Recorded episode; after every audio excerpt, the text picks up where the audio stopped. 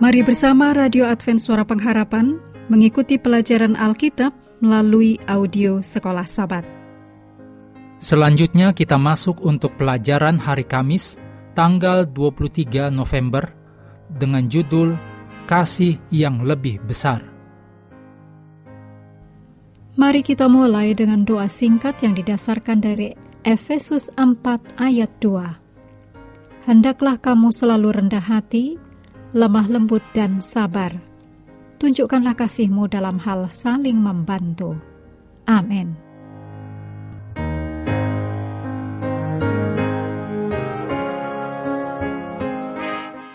Seperti yang kita ketahui, dan bahkan kita sangat mengetahuinya, kebutuhan itu tidak akan pernah selesai. Jika kita memiliki kemauan untuk menolong sesama, kita akan memiliki banyak kesempatan. Apakah teman-teman dekat atau para pengungsi yang jauh? Banyak orang-orang tetap berkekurangan, dan kita harus melakukan apa yang bisa kita lakukan. Ketika kita bisa, kita harus menolong. Sepanjang pelayanannya di dunia, Yesus menolong mereka yang tidak bisa menolong diri mereka sendiri dalam beberapa kasus, Yesus yang mengambil inisiatif dan pergi kepada mereka yang membutuhkan. Dalam kasus yang lain, sama seperti orang-orang yang menurunkan orang yang lumpuh dari atap supaya bisa membawanya kepada Yesus. Sahabat-sahabat dari orang yang membutuhkan yang mengambil inisiatif. Dalam Yohanes 15 ayat 13 dikatakan, tidak ada kasih yang lebih besar daripada kasih seorang yang memberikan nyawanya untuk sahabat-sahabatnya. Renungkan bagaimana kita mengaplikasikan prinsip ini dalam pelayanan kita kepada orang lain. Sebuah keluarga misionaris melayani selama enam tahun di Trinidad dan Tobago Tiga tahun pertama, mereka hidup di sebuah komunitas Hindu dan Muslim. Saat itu, banyak orang Hindu yang mengeluh karena orang Kristen menolak undangan mereka menghadiri acara ucapan syukur tahunan. Pada suatu hari, orang Kristen, yaitu keluarga misionaris ini, menghadiri undangan perayaan ucapan syukur dari seorang teman Hindu mereka yang baru mereka melakukan hal ini karena mencontohi Yesus, yaitu Yesus mengunjungi temannya ketika mereka mengundang Yesus pada perayaan mereka yang khusus. Sesungguhnya, ajaran Hindu mengajarkan bahwa tamu atau sahabat yang datang itu membawa berkat ke dalam rumah dari tuan rumah yang mengundang Mari kita melakukan percobaan untuk mulai menjalin persahabatan pekan ini dengan menjadi berkat bagi seseorang. Pertama, survei kondisi Anda saat ini.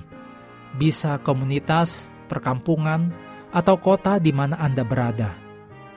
Apakah Anda mengetahui tentang pengungsi atau imigran yang tinggal di sana?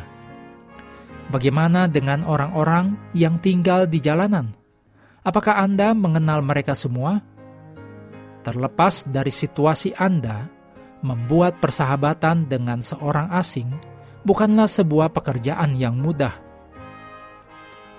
Mari kita doakan dan minta Allah untuk menolong kita. Allah mengenal setiap orang dan mengenal orang asing yang bisa Anda jadikan sahabat. Ingatlah, tujuannya adalah untuk menjadi sahabat mereka sehingga Anda bisa menolong mereka dengan menuntun mereka kepada Allah untuk mendapatkan pertolongan. Tantangannya, pelajari tentang orang-orang asing atau mereka yang bukan Kristen yang tinggal di negara Anda. JoshuaProject.net adalah sebuah website yang bagus untuk mencari tahu kelompok orang-orang yang belum dijangkau dalam kebudayaan Anda. Tantangan lebih besar adalah identifikasi seseorang dalam ruang lingkup pengaruh Anda. Mulailah dengan berdoa secara teratur bagi orang tersebut sesudah menjawab pertanyaan-pertanyaan berikut ini. Yang pertama, apakah orang ini menjadi sahabat saya berdasarkan model persahabatan Yesus? Yang kedua, apakah saya tahu kebutuhan-kebutuhan hidupnya? Yang ketiga, bagaimanakah saya bisa menuntun dia kepada Yesus untuk mendapatkan kesembuhan? Mengakhiri pelajaran hari ini, mari kembali ke ayat hafalan Matius 25 ayat 40. Dan raja itu akan menjawab mereka, Aku berkata kepadamu, sesungguhnya segala sesuatu yang kamu lakukan untuk salah seorang dari saudaraku yang paling hina ini, kamu telah melakukannya untuk aku. Kami terus mendorong Anda bersekutu dengan Tuhan setiap hari bersama dengan seluruh anggota keluarga, baik melalui renungan harian, pelajaran sekolah sahabat, dan bacaan Alkitab sedunia, percayalah kepada nabi-nabinya, yang untuk hari ini melanjutkan dari Kidung Agung pasal 8 Tuhan memberkati kita semua.